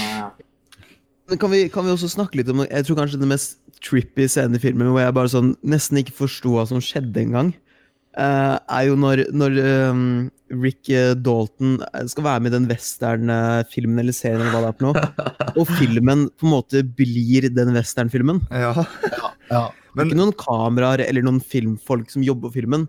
Så det blir på en måte fra skuespillerens perspektiv, da, antar jeg. Men, ja, ja, ja. Men det er så deilig det er sånn En skuespiller ser det. Det er, ja, men det er så deilig at uh, han Det er to steder i filmen hvor han han, en, han har en fem minutter lang scene som avslutter i en vits. Det syns jeg er så kult. At han har den med um, Cliff, hvor han skal se tilbake på hvorfor han ikke fikk lov å være stuntmannen denne gangen. Er liksom avslutter med en vits, og så samtidig med den der, Ole, er jo at uh, hele den filmen går og går og går, og så avslutter det med at The line, what's the line? Og det er liksom, jeg synes, Da holdt jeg på å daue, selv om det er med i traileren. Da, så ble jeg sånn Det er så bra at han, han lar det gå dritlang tid før det kommer det plutselig en punchline, liksom. Men Men jeg syns ikke det er en, en morsom scene i det hele tatt. Jeg synes den er sånn nesten sånn angstskapende, for der er jeg på en måte så med karakteren til, uh, til Leonardo DiCaprio. Ja. Og jeg, jeg syns han både spiller det så utrolig godt. Det, på en måte sånn Mm. eh, Ja, den angsten Lo- og, lo- og sånn usikkerheten som, eh, som Al Pacino skaper for han tidligere i filmen. Ja. Og det er på en måte der sånn, den, den frykten eh, manifesteres, da. Mm, men det Men fikk det er jeg liksom rett mange- etterpå. det Istedenfor er vel Ja, det de synes uh, er indulgent òg med filmen. da. Det, det føles ut som den scenen der Tarantino på en måte, eller der DiCaprio er å og spiller inn en westernfilm. Det føles ut som det varer sånn en time nesten. Og det er jo poenget med den scenen at kan jo på en måte oppsummerer mye raskere. Men jeg setter veldig pris på at jeg setter veldig pris på at han tok seg så god tid. da, At, at han bare lar filmen flyte mm. og ikke bryr seg så mye. For det er jo ikke så mye plott i filmen, liksom. Det er mer, filmen er mer, det er mer story enn plott. Da. Det er mer hva filmen handler om, hva filmen, eller hva som kan skje fra scene til scene. Det er litt mer sånn Det er det motsatte av Scorsese. Ja, det er litt mer hva filmen betyr, da, og hva filmen handler om, og hva filmen på en måte representerer. da. Det det handler ikke så mye om selve storyen. Det er litt mer bare sånn Plasser det i den verden her, og nå skal du få henge med de karakterene i to og en halv time. Ja. Hva, hva, hva syns dere om den, den scenen når etter han har fucka opp den linen, så går han inn i traileren Han bare Ja, oh. You're fucking drunk! Jeg skal bare slutte å drikke. Og det første han gjør, er å ta opp lommelerka. Jeg tror det, men det det er, det er jo en av de beste scenene i filmen. Men jeg tror også det er Men jeg elsker å se eh, eh, DiCaprio sånn. sånn da syns jeg han er skikkelig god til å spille når han er fly forbanna. Sånn som Ja. Når han er Han er ganske forbanna på et tidspunkt i Django òg, hvis jeg ikke, husker feil. Eller han er liksom litt sånn sur fyr. Og det Han jeg syns han knuser jo, knuser jo glass og kutter seg opp, og det er jo helt ja, Og i The Aviator òg, har du sett den? Der Ja. spiller han så dritbra, sånn forbanna, og det syns jeg er så deilig å se. Men jeg tror jeg vil si at det her er hans beste Jeg vil, jeg vil nesten si at det er hans beste rolle. I det. Jeg tror faktisk jeg det er enig. Ja. Ja. Det, er- det er enten den her eller Wall Street, synes jeg. Ja. Fordi her så, så klarer han på en måte å sånn eh, Han klarer å gjøre sånn det, En veldig utrolig patetisk karakter som sånn i utgangspunktet er veldig morsom, men han klarer å gjøre han sympatisk, så vi liksom Ja, Vi, vi han er så- føler hele tiden med den, den usikkerheten og angsten, da. ja, for den karakteren er så sykt emosjonell. ja. Men det, Det det er er veldig sånn sykt det er veldig sånn meta, da, for at DiCaprio er altså den største skuespilleren, eller en av de største som uh, er, har vært i bransjen nå i 20 år. Og at han spiller på en måte en avdanka skuespiller da, som ikke som aldri på en måte slo helt ordentlig an. For en var jo bare stjerne i TV-serie og kom aldri ordentlig, aldri ordentlig inn i, inn i Ja. film. Og det er veldig rart å se henne f.eks. snakke med Timothy Oliphant. da, Ja, som er jo, er jo samme generasjon som DiCaprio. Og, og at Timothy Oliphant er jo på en måte en suksessfull skuespiller her nå, men han er jo ikke på nivå med DiCaprio, da, eksempel. Mm. Så at de har på en måte reversert rollen, da, er veldig sånn Det det er er veldig jo sånn spesielt. Um, her kommer det på en måte litt sånn Hollywood-historien, da. Men uh, karakteren til, um, til, uh, til uh, DiCaprio ligner jo også litt på Clint Eastwood. Eh, Ja. før han var med i de, de Man With No Name-filmene. Så var jo han også en sånn skuespiller som på en måte var med sånn gjestepisode, eller sånn gjesteskuespiller på Bonanza og, og sånne Han type ting. jo, han hadde jo en fast rolle i, i Rawhide òg, så han var jo en TV-skuespiller. Ja, og så, så, sånn som i, eh, i Once Upon a Time in Hollywood, da, så, så får han jo tilbud om å være med i spagetti-western-filmer. Som han ikke ønsker. Men det var jo på en måte det det. at det gjorde Clint Eastwood stor, da. Var jo de Ja. filmene. Så det, det er jo der, men det er jo der filmen på en måte hintet til på slutten, at kanskje DiCaprio eller kanskje, kanskje Rick Dalton har ei større framtid i sånne Roman Polanski-filmer. Ja. Siden de, siden de redda Siden de på en måte At nå ble Rick Dalton kjent med Sharon Tate pga. det som eh, skjedde, da, så kanskje han har en større framtid. Så det er jo liksom du sier, for at uh, at eh, Clint Eastwood hadde den at han gikk fra western-TV-serier til italien, italienske filmer Mm. til, til å bli stor i Hollywood. da. Så det er jo litt samme ark. Likte du, likte du at det er Italia der de lime DiCaprio inn i fullt av sånne gamle, skitne italienske filmer. Det var Ja, det dritmoro. Hørte du den, e- den, første, den første posteren jeg viser, der den filmen har sånn egen themesong? Fikk dere med dere det? Nei. Den, den, jeg husker ikke hva den første filmen, den, men det er en sånn sang der de synger om den filmen. Ja, jeg skal se den igjen snart, så jeg, jeg gleder meg til å se den igjen, den filmen her, ass. Det er jo også en ganske moro, moro scene på, den, um, på en sånn fest. Jeg tror det er i Playboy Mansion. Ja. eh, hvor, hvor Steve McQueen driver og snakker om Sharon Tate og Roman Polanski og han andre, andre karen som, som henger med dem.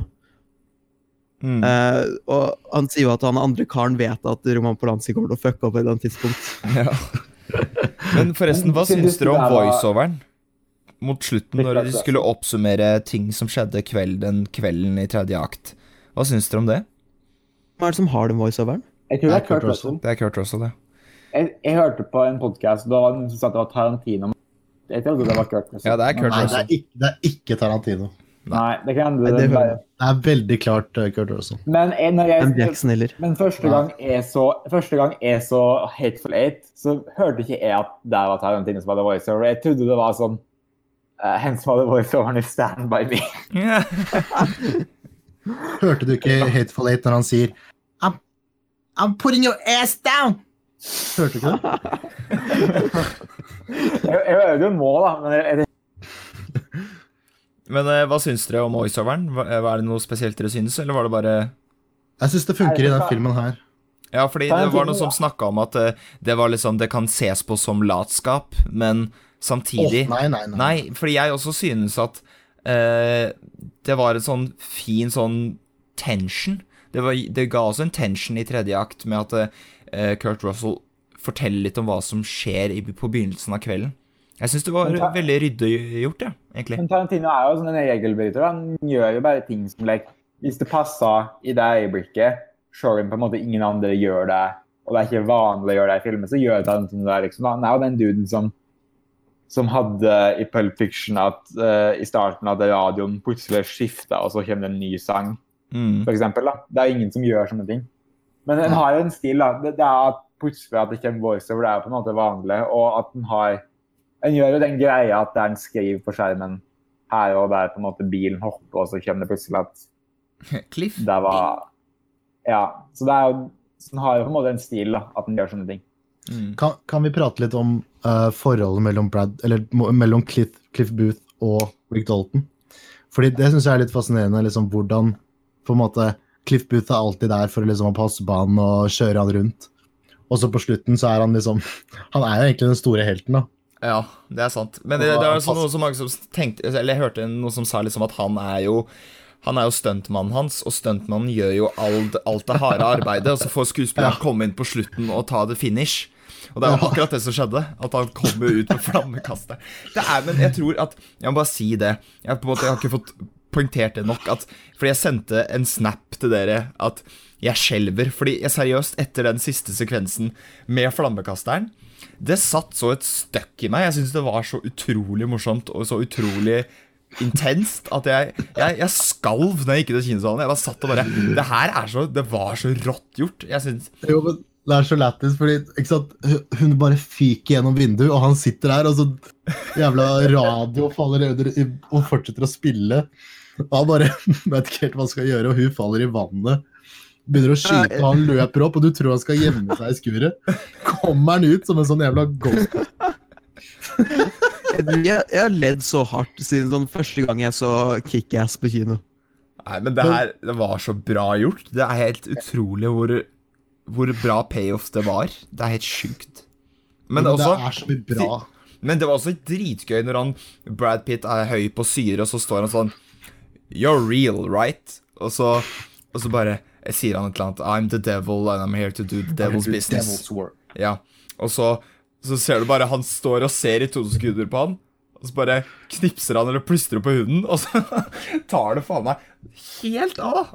Og jeg, jeg visste ikke hva jeg skulle gjøre av meg. Jeg, jeg har aldri ledd så mye, jeg heller. Jeg, jeg, jeg, har sånn, jeg har sånn dårlig Der, ja. Uh, jeg skal snakke om den uh, Ja, nei, jeg likte payoff. Jeg bare sånn jeg, jeg føler det er mye du kan diskutere på en måte om hva om hva han burde ha gjort. Og, Ja, men kan du ikke bare innrømme at det var jævlig ko... Altså, jo, jo, men sånn, du må tenke du bare det er koser deg og bare Det er jo det er ekte personen gjør det mot, da. Ja, det er men jo- Hvis du ikke tenker for mye på det, da. Jo, men de, de tenker han det gjør som- det mot, er jo kriminelle. Ja, altså, det, det er jo på en måte Det er jo Du kan også se på det sånn at de kommer inn for å drepe dem, og de forsvarer seg jo egentlig bare, men på en litt syk måte. Jeg tenker at sånn, Det største eh, det, det på en måte mest problematiske med det da, altså Jeg tenkte ikke på det når jeg så filmen i det hele tatt, men det mest problematiske med det er at det gjør på en måte en sånn en, en konemorder til helten, da. Ja, Ja, det også, men det er jo ikke sikkert Men han er er det. bare Jo, men på en annen måte så er jo det bare hinta til. Ja, Det er nettopp det jeg mente i starten når jeg sa det, at det, slutten er veldig avgjørende på hvordan du tolker den scenen med harpunen. Fordi hvis, hvis du tenker at eh, han har mest sannsynlig ikke, ikke gjort det, det er bare et rykte, så funker jo slutten på en helt annen måte enn hvis han faktisk drepte henne, for da på en måte viser det hvor sinnssyk han er. Så kan du skylde på at, er, at han er høy på syre som gjør at han blir så utrolig voldelig. Ja, men poenget, poenget er jo ikke hva på en måte årsaken til men Poenget er at Tarantino valgte å gjøre det sånn at det skulle skje, da, og på en måte hva, hva som ligger bak det. da. Og at, for det, det, vel, det har jo vært sånn diskusjoner om hva om på en måte kvinner i Tarantino-filmer, og det er det som gjør Tarantino merkelig karakter. da, for at en, en skriver jo noen, noen av de beste karakterene hans er jo kvinnelige karakterer, og det er jo ofte at han har gitt mye dypere og bedre roller eh, til kvinner enn det de fleste, kanskje de fleste andre mannlige regissører i Hollywood har. da. Mm. Men så er det likevel sånne rare element, f.eks. at ofte, jeg føler at ofte de mest sånn voldelige og brutale scenene i filmen er ofte også reservert sånn kvinnelige karakterer. da. Jeg tenk, altså, så det er på en måte, Og det funka i filmen sitt Det funka i filmen, det funka for filmen sitt poeng, men det er en slags rar greie. da. Jeg vet ikke helt om dere tenkte over det, og det kan hende at det bare er som huska det feil. Men jeg føler f.eks. at de to, to jentene fikk det verre enn hen ene duden som fikk bitt av seg baller. Og han, altså, han ble jo han fikk jo sånn revet seg underlivet, men hvis jeg husker ikke, så ble han bare sånn skutt i ansiktet av Brad Pitt. Nei, han ble tråkka Han stampa Å, ja, trynet. det er sant. Ja, Han ja, moser glem- trynet hans. Glem det poenget. Ja, ok, Da, da, da trekker jeg tilbake det poenget. Men poenget mitt var bare at sånn jeg, føl, jeg føler du kan på en måte Det er litt å snakke om, da. Og da er det jo Elletrøyen nå. Om hva på en måte Ja. Men det funka, det funka veldig bra. Men jeg føler å på en måte ta på det minste da, og nevne at det er jo Men jeg føler akkurat den scenen her Annet enn det jeg syns er sånn jeg kunne tenke meg å analysere, er, eller som du snakka om litt tidligere, er ja. eh, det at eh, Det med at det er på en måte De har jo ikke drept noen enda, og det er jo på en måte Hvorfor hevna han ikke eller, Manson, eller på Manson, liksom, og sånne ting. Det syns jeg, men når det kommer til hvem som fikk mest Hvem som ble mest Ja, banka og sånn, det syns jeg på en måte er litt sånn jeg Den siste scenen, for meg, tenkte jeg. Jeg jeg, tenkte bare Den scenen tenkte jeg ikke noe over at det var eh, noe med på en måte kvinnelig Nei, nei, glem det. Men altså, den, den, blir jo, den blir jo på en måte Den, den får jo på en måte kjørt seg her lenge, da. Men det er, jeg, tror, jeg tror det er også litt bare at sånn, det her var på en måte ungdommer som ikke Som hadde blitt så manipulert og, og fucka meg. Da. Og det var jo eh, og, og nå så, det, så jeg vet ikke. Det er jo på en måte mm, det er jo på en måte et dilemma der. Altså, jeg vet ikke om, eh, Det var noe som jeg så skrev at Tarantino kunne jo Han har jo bare funnet på historier. ikke sant? Han har jo andre historier. Ja. Så, så han kunne jo på en måte myrda Manson òg, ikke sant? Hvis han ville. Han kunne jo skrevet det sånn at det hadde skjedd da. ikke sant. Så, ja. så burde han ha gjort det istedenfor å på en måte det her, Jeg vet ikke. Men da hadde, da hadde han jo drept han bare for å please publikum. Han hadde jo ikke noen Ja. grunn for å drepe han, liksom. For det er ingen som Det hadde vært helt ulogisk at noen bare skulle drept Manson i filmen. Fordi det er jo ikke Manson som kommer og Nei, skal drepe dem. Nei, nei. Han kunne, jo, han kunne jo skrevet det sånn at det var Manson som gjorde det. da. Altså, Ja, ja, det, er, Da- det er jo et veldig det- intensjonelt valg, det han gjør med at, Ja, ja. det er, Men at, eh, men at han gjør det på den måten. da. En kunne jo gjort at sånn Brad Pitt reiste til den ranchen etterpå, f.eks. Ja, på vei til sykehuset så hopper han, hopper han ut av sykebilen, Ja, men at slep, Brad Pitt sleper seg bort. Ja, men at Brad Pitt ikke ble kjørt til sykehuset. men At f.eks. Brad Pitt innså at det her er de folkene fra den ranchen jeg var på tidligere, og så, og så reisen de dit etterpå. Jeg vet ikke. Men altså, jeg vet ikke, det, er- det, det er verdt å diskutere, da, føler jeg i hvert fall. Selv om jeg, selv eh, jeg syns Altså Men det eneste jeg har å si på det, er at på en måte Det er Jeg føler ikke det er noe Eh. rett galt svar på det her. Jeg føler det Nei, bare det, er, det blir jo litt Jeg føler det er litt vanskelig å diskutere òg, men det, samtidig så er det sånn Mm. Det Ja, som jeg sa, at Ja, han, som du også sa, Ole, han kunne på en måte tatt at det var Manson som kom og drepte Vame, liksom. Men da, som, da skifter det på en måte den plot-twisten, da. Da er jo ikke Det er, jo det er jo ikke sånn Manson var. Han var jo, Han var- jo sånn, ja. han var jo aldri til stede noe sted. Han bare Så han bare snakka til folk, og man, han, var, han var ikke til stede på Det er- det er verden. luftig, i hvert fall, da, om på en måte om på en måte hva som er hva som på en måte Hvordan den er- approachen Tarantino valgte, da. På en Det, måte det er litt opp til familien til Sharon Tate og familien til alle de som ble drept, å avgjøre om dette var nok, føler jeg. viktigste, er- jeg føler det viktigste er at på en måte de som på en måte var er familiemedlemmer til offeren, og at det er dem som på en måte får eh, blir representert riktig, da. Men altså, det er jo må, Det er bare viktig å tenke på at de Men på en måte der er det vanskelig, da, fordi det, for eksempel med Bruce Lee, der er jo familien eh, ganske Ja, de er jo pissed. Ikke sant? Men jeg skjønner det jo Skal snakke om den scenen. Det kan vi godt. Den er morsom, men jeg skjønner hvorfor. Jeg skjønner hvorfor. Men samtidig Altså, han jeg gjør jo Bruce Lee også. Ja, ja, men samtidig så er det Men jeg trodde Tarantino var stor Bruce Lee-fan, ja, så jeg skjønte ikke det. Men uansett Det kan godt hende. Uh, Men jeg kan uansett Vi kan bare si det kort uh, at For det er jo Brad Pitt, altså Cliff Booth og uh, Bruce Lee som slåss. Og så, men så er det jo egentlig for å få fram poenget til vitsen som kommer etterpå når han står på taket, at han, det er en grunn til at han ødela. Så det er jo egentlig Samtidig så føler jeg at det viser på en måte hvor douchebag han Cliff kan være, da. For det er jo egentlig ikke Det er jo egentlig ikke Han er jo litt sånn kjepphøy, han eh, Han eh, Faen, er Bruce Lee også. Men det er jo egentlig Cliff sin feil at han eh, ender opp med å bli oppføre seg sånn, han også.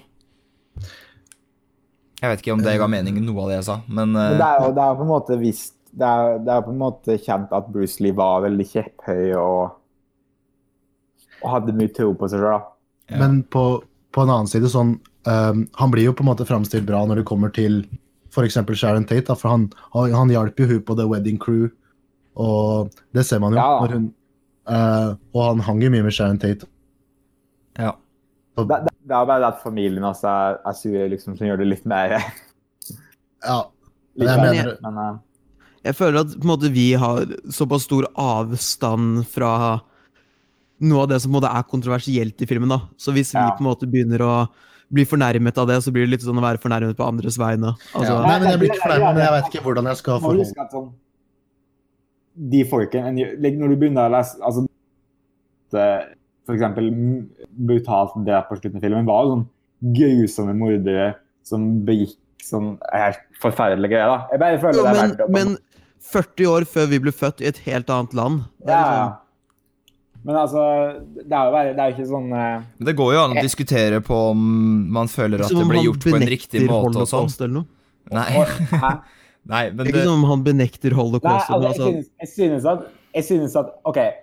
Jeg synes finalen funka dritbra, og at den scenen var skikkelig bra gjennomført. Og at det var en moro eller, eller var jo sånn i Salen gikk jo helt amok ikke sant? når Brad Pitt begynte å sende den doggen sin på dem. ikke sant? Og det var jo det var helt grusomme mennesker som en gikk imot. Jeg bare synes at selv om på en måte kan, eh, selv om jeg likte det, så er det på en måte bare verdt å ta opp. Bare, i ja, ja, ja, ja, ja. det, er, det er greit. At det på en måte, For at det her er jo eh, jeg, vet ikke, jeg bare føler det er kanskje litt mer eh, Jeg vet ikke. Jeg bare, ja, jeg skjønner Det- egentlig hva du, er veldig godt hva du mener, Amund. ja, Det er veldig Ja. vanskelig å forholde seg til. Ja, det er det òg. ja, det er litt sånn like, jeg, altså, jeg kan ikke se for meg at Kan du se for deg at en ny filmskaper nå, liksom, som er 25 år nå, hadde turt å lage den filmen her? Nei, men, men den, Og den er jo Eller Bastards, da, for eksempel. Nei, Nei, det er jo det, det er mer. det er mer greit å kødde med nazister, føler jeg, da, men Ja, ja. Ja, det, men det, det er kanskje det som stikker litt Det er kanskje det som er litt rart, for det har blitt så akseptert i løpet av å bare latterliggjøre, mens, mens her på en måte så treffer på en måte et tema som fortsatt mange kanskje synes fortsatt er ganske sånn Du kødder ikke og gjør så mye med det da. Jeg, vet ikke hvor mange i, Norge er det egentlig som sånn bryr seg så veldig mye om de Manson-drapene egentlig til å begynne med. Nei, fordi jeg, jeg, jeg snakket med min far som, var, som vokste opp på 60-tallet. Og så spurte jeg liksom Husker du det her en gang? Eh, og når jeg sa, Det tok litt tid før han huska det, da, men på, på den tida, f.eks. i Norge, så var det jo ikke sånn medier som det er nå. Så man fikk, man fikk liksom vite om månelandinga, han fikk vite om Kendy, men det var sånne ting som man ikke helt fikk vite om. Men det, Så- var, jo- det var jo en hendelse som var mer amerikansk, viktig for Amerika Ja, enn resten av verden. liksom, For månelandingen påvirka hele kloda. Ikke sant? Men i Så Norge så var det ikke så Ja. Fikk man ikke vite sånne ting. Men det er derfor det på en måte er litt det er, det er kanskje derfor det, filmen kommer til å spille litt rart hvis du ikke vet så mye om det fra før. Da, Ja. for jeg føler at film forklarer Det er det som er greia med sånn For Sharon Tate funka jo mer Den måten hun blir fremstilt på det, Jeg føler at det kommer til å være veldig merkelig da, hvis du ikke vet at hun ble myrda av ja. Og, og du, du Mm. skjønner vel hva- du kan du klarer å på en måte regne sammen to og to når du ser filmen. At sånn, å ja. OK, men, men altså Jeg, vet ikke, jeg, jeg, jeg tenker at på en måte, sånn, karakterene og skuespillet er på en måte sterkt og interessant nok da, til at man allikevel liksom vil kose Ja. seg selv om man ikke vet noe særlig om Men, men poenget mitt var bare Det eneste er at det, er noen av scenene kommer ikke til til filmen, på en måte. da. Og jeg, jeg, jeg lurer på om folk, hvis de ikke vet det, at de kunne synes at det er en veldig sånn Hva var poenget med alt det her? Eller hva, med, Ja. hva var poenget med å bruke så mye tid med Margot Robbie eh, når, når hun bare sånn Hun hadde jo ikke noe å gjøre med finaler uansett. liksom. Nei. Nei, det er jo det, er, det er deler av filmen som ikke funker uten kontekst. Mm. Ja, Men den skal ha veldig mye guts, da. for at den bare sånn... absolutt. Han har jeg mye bare tenker, til, han har veldig mye tillit til publikum. Ja. Bare tenk å lage sånn eh, altså Charm in Glory, som du sa, da, Ola, det er kanskje litt mer Du skal ha veldig mye guts. da. Jeg kan ikke se for meg at sånn Damien Chazelle hadde turt å lage en film der eh, Hitler får skutt av seg trynet på slutten, liksom. Eller, eller den finalen her, da. Det er en sånn Det er, en, det er en myrda Manson-familien på sånn den mest sånn latterlige måten noensinne. Det er sånn, det blir jo såpass Når hun sånn løper ut vinduet på slutten, og det er sånn ei dokke, liksom Og DiCaprio hopper opp og sånn gøy flammekaster. Det, det blir jo så det er På jeg, jeg tror på en måte det er det som gjør det litt greit, og at det, Ja, det blir såpass overdrevet at eh, du, du kan på en måte ikke bli sur på det for at eh, Å å nei, du representerer virkelig mennesker, men du liksom Tegneserie, da. Men, Altså, ja, men det som også er så Jeg tenkte på det at uh, seriøst. det. Ja, men hvis man på en måte uh, sitter hele tida Fordi hvis man er kjent med Tarantino, da, og veit åssen hans eh, vold og actionscener spilles ut, og hvor, hvor drøyt det kan være, da, så syns jeg sånn på en måte For en person som på, på en måte tenkte sånn Kjenner til Tarantino, men ikke kjenner til Manson-historien. Sitter mest sannsynlig gjennom hele filmen og tenker sånn Ok, når skjer det sånn Tarantino-vold jeg er fan av?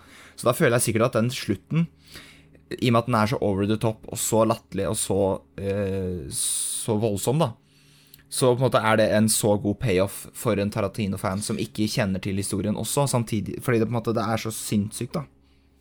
Jeg, jeg tror faktisk Tarantino-fanboys kan bli skuffa av den filmen. her. Ja, det er, jeg jeg tenkte litt på det òg, men eh, det ble heldigvis ikke jeg, da. Men Men, men, Nei, men du er jo ikke en fanboy, du er en fan. ja, det er sant. Det tok meg litt tid å venne meg til det tok meg litt tid å venne meg til den pacen filmen har. da. Og jeg syntes at det var sånn, visse scener som ble veldig trege, og jeg lurer på hvordan det kommer til å bli eh, på rewatch. da. For at det er jo på en måte, De andre filmene altså, var jo veldig lange og veldig og har veldig lange scener, da. men det her er tida den prøver å bygge spenning eller, eller progressere plottet. da. Så det var litt sånn det var vel kanskje litt sånn uforventa å se en film der en på en måte er mye mer eh, relaxed da, og bare tilbringer tid med de karakterene. Og det er vel kanskje derfor mange òg synes Kanskje ikke synes Jackie Brown er like bra første gang, men så når de begynner å på en måte komme inn i flyten til filmen, da, at det er da han på en måte treffer. Ja, dette er nok en film du kommer til å digge jo mer og mer du ser den. Ja. Det er jo sånn, Hvis du på en måte er, hvis du er fan av Hollywood, da, så, så tror jeg at man kommer til å synes det er moro på en måte Uansett om du altså fordi Jeg syns den gikk veldig fort, da. Ja. I hvert fall andre ganger. Og sånn Hollywood på 60-tallet er liksom kjempe sånn interessant, da. Så derfor så Hvis Men- man er men- inne i det, så tror jeg at man kommer til å digge den uansett om du på en måte syns at den er treig eller ikke til å begynne med. da. ja. Men bare for å komme tilbake da, på det som du diskuterte litt i stad Men han skulle si det først. Hva var det du skulle si, Ja, okay.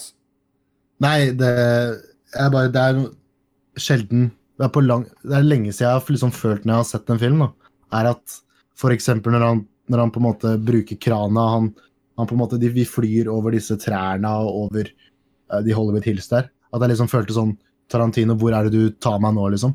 Mm. De visste liksom ikke hvor det skulle. da, Det, det er lenge siden jeg har opplevd. Men, det, men på mange måter så det er en merkelig sammenligning. da. Jeg vil nesten si det er eh, Tarantinos Last Jedi. Altså, den er Jeg vet ikke. Ja, men Den at er, den, den eh, er bold, da, og den er uforventa, og den, den inneholder Men jeg er enig i det, at jeg satt hele filmen og ante ikke hvor den var på vei hen, men samtidig tenkte sånn Ok, nå kommer på slutten så kommer den scenen med eh, Sharon Tate, og det er det jeg på en måte sitter og gjør meg klar for, samtidig som jeg er veldig interessert i alt dette. Hvor er det liksom eh, Rick Dalton, hvor er dette på vei, og hvor liksom, sånn, Jeg er helt enig i det, da. Men, men det greia er at Bare for å ta det, oppsummere litt der som du snakka om i stad. Jeg føler det er Tarantino prøver å gjøre da, med den her og Bastards og Django og de filmene, at den på en måte tar Når jeg reiser tilbake til på en måte er historisk på en måte tragedie, da, eller når noe grusomt skjedde, da, Mm. og prøve å, å skape en slags form for rettferdighet gjennom å, å flippe historier. Og at den viser veldig mye respekt da, og medfølelse med de som ble påvirka. Men også prøver han å latterliggjøre og bryte ned dem som var som var de, de onde, de som på en måte begikk veldig ondskapsfulle handlinger. da, Og at en prøver ikke å si at de her folkene er ikke Ikke ta dem seriøst. at Ikke hør på hva Bare sånn Nå skal jeg like, vise hva de er for noe. Mm. Hvis du, hvis du skjønner hva jeg mener. At den på en måte, for at jeg føler det er veldig tydelig eksempel, i Django, der du har scener hvor slaver blir på en måte torturert av folk, og de er veldig sånn, seriøse og triste og, og, og disturbing å se på.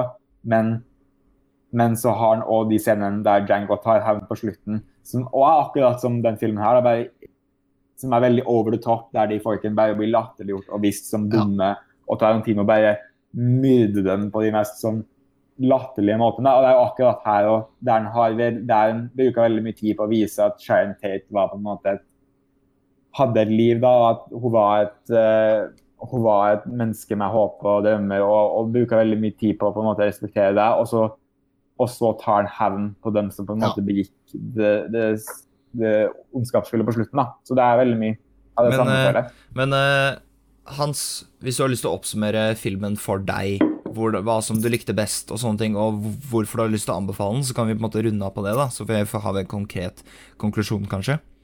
Ja, sånn som Amund sa, at liksom, filmene til Tarantino er en tidsmaskin, og det er på Tarantinos regler, og du får lov å være med, men ting endrer seg. Eh, jeg syns den er veldig emosjonell. Jeg syns den er morsom. Uh, jeg syns den er veldig fascinerende. Uh, alt, alt ser ut som 60-tallet. Du, du er liksom på denne reisen i 60-tallet, og det er helt supert. Det eneste jeg vil si, er at sånn som vi sa, at hvis ikke du veit noe om Manson-tingen, så funker ikke filmen, rett og slett. Men Leos kanskje beste rolle, Brad Pitt, er lættis. Eh, Luke, Luke Perry gjør en skikkelig bra siste, siste rolle. Ja, altså jeg, jeg, jeg liker ikke å gi ternekast, men uh, vi smeller en femmer, da. Oi, oi, oi. Hva med deg, Ole? Uh, jo, nei, jeg, jeg, jeg digger denne filmen, uh, jeg også. Men jeg tror mye av det som på en måte um, Det som tok meg mest, da, var vel eh, egentlig den karakteren til Leonardo DiCaprio. Og, og, det, og det egoet hans som på en måte eh, var, under, eh, var under press, da.